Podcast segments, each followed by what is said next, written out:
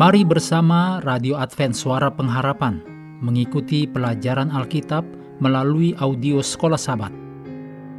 Selanjutnya, kita masuk untuk pelajaran Triwulan yang baru dengan judul besar Surat Efesus yang ditulis oleh John K. McVeigh PhD yang melayani sebagai rektor dan profesor agama di Walla Walla University, College Place, Washington, Amerika Serikat di mana beliau telah melayani universitas ini sejak 2006.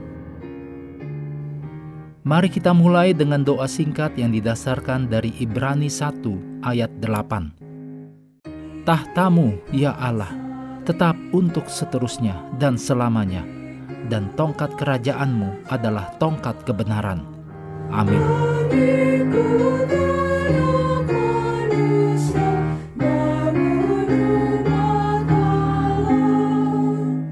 Sabat petang tanggal 24 Juni untuk pelajaran pekan ini Anda boleh membaca dalam kisah pasal 18 ayat 18 sampai 21, kisah para rasul 19 ayat 13 sampai 20, kisah 20 ayat 17 sampai 38, Efesus 1 ayat 1 dan 2, Efesus 6 ayat 21 sampai 24, Efesus 3 ayat 13 dan Efesus 1 ayat 9 dan 10.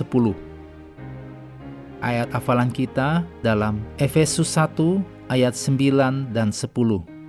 Sebab ia telah menyatakan rahasia kehendaknya kepada kita sesuai dengan rencana kerelaannya, yaitu rencana kerelaan yang dari semula telah ditetapkannya di dalam Kristus sebagai persiapan kegenapan waktu untuk mempersatukan di dalam Kristus sebagai kepala segala sesuatu, baik yang di sorga maupun yang di bumi.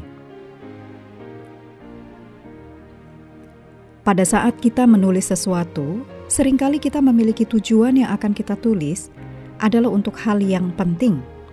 Sebagai contoh, Abraham Lincoln menulis pidatonya yang terkenal di Gettysburg tahun 1863 setelah kehancuran yang mengerikan dalam perang saudara di Amerika Serikat yang menewaskan sekitar 7.000 tentara. Dalam pidatonya itu, yang ditujukan kepada bapak-bapak pendiri negara Amerika Serikat, Lincoln menyatakan keyakinannya bahwa perang saudara saat itu merupakan ujian terbesar apakah negara yang lahir tahun 1776 ini akan bertahan atau akan musnah dari bumi. Paulus memiliki tujuan besar yang memotivasi suratnya.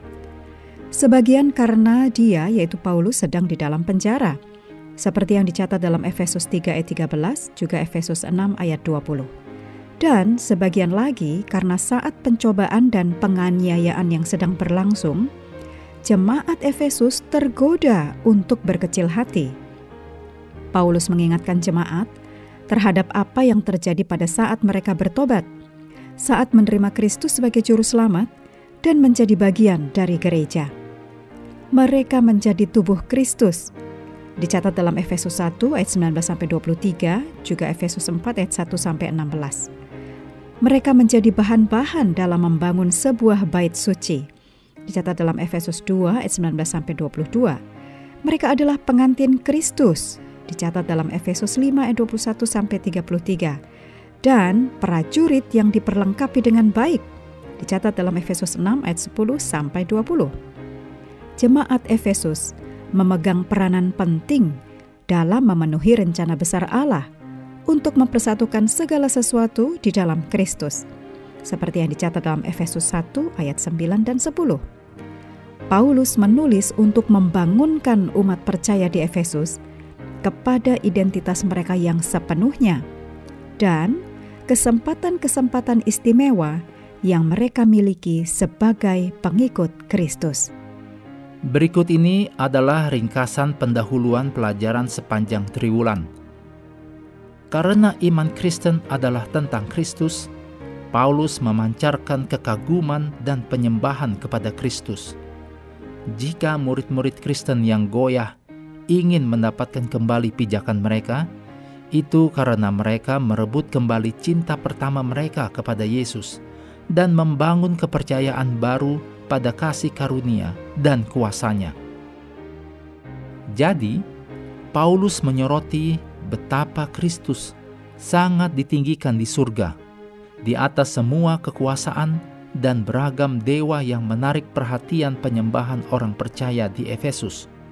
Yesus adalah tujuan dari rencana ilahi sepanjang masa, rencana di mana orang percaya sebagai gereja memainkan peran penting dalam rencana Allah untuk menyatukan segala sesuatu di dalam Kristus.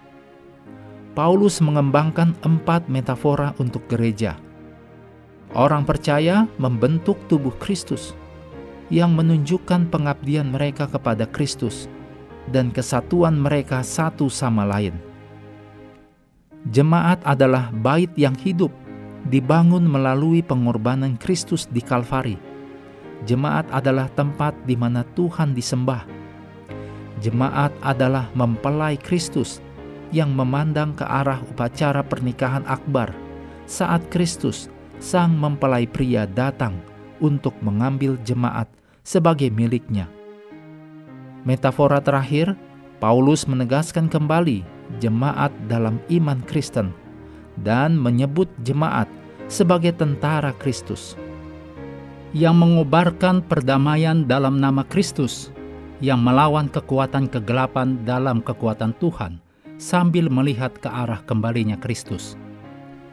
Surat Efesus kemudian berbicara terutama untuk saat-saat seperti di zaman kita ini di mana daya pikat dunia dan berlalunya waktu mengancam pemuritan Kristen yang dianggap membosankan. Surat Efesus meninggikan Kristus dan menonjolkan pentingnya mengikuti Kristus sebagai anggota-anggota gerejanya yang terlibat dan aktif. Sementara saat kita menghidupkan pengharapan akan kedatangan Kristus kembali.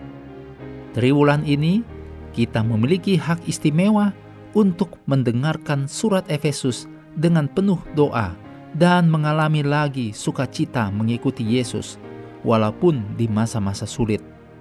Mengakhiri pelajaran hari ini, kami terus mendorong Anda untuk mengambil waktu bersekutu dengan Tuhan setiap hari bersama dengan seluruh anggota keluarga. Baik melalui renungan harian, pelajaran sekolah sahabat, juga bacaan Alkitab sedunia, percayalah kepada nabi-nabinya, yang untuk hari ini melanjutkan dari Mazmur 49. Tuhan memberkati kita semua.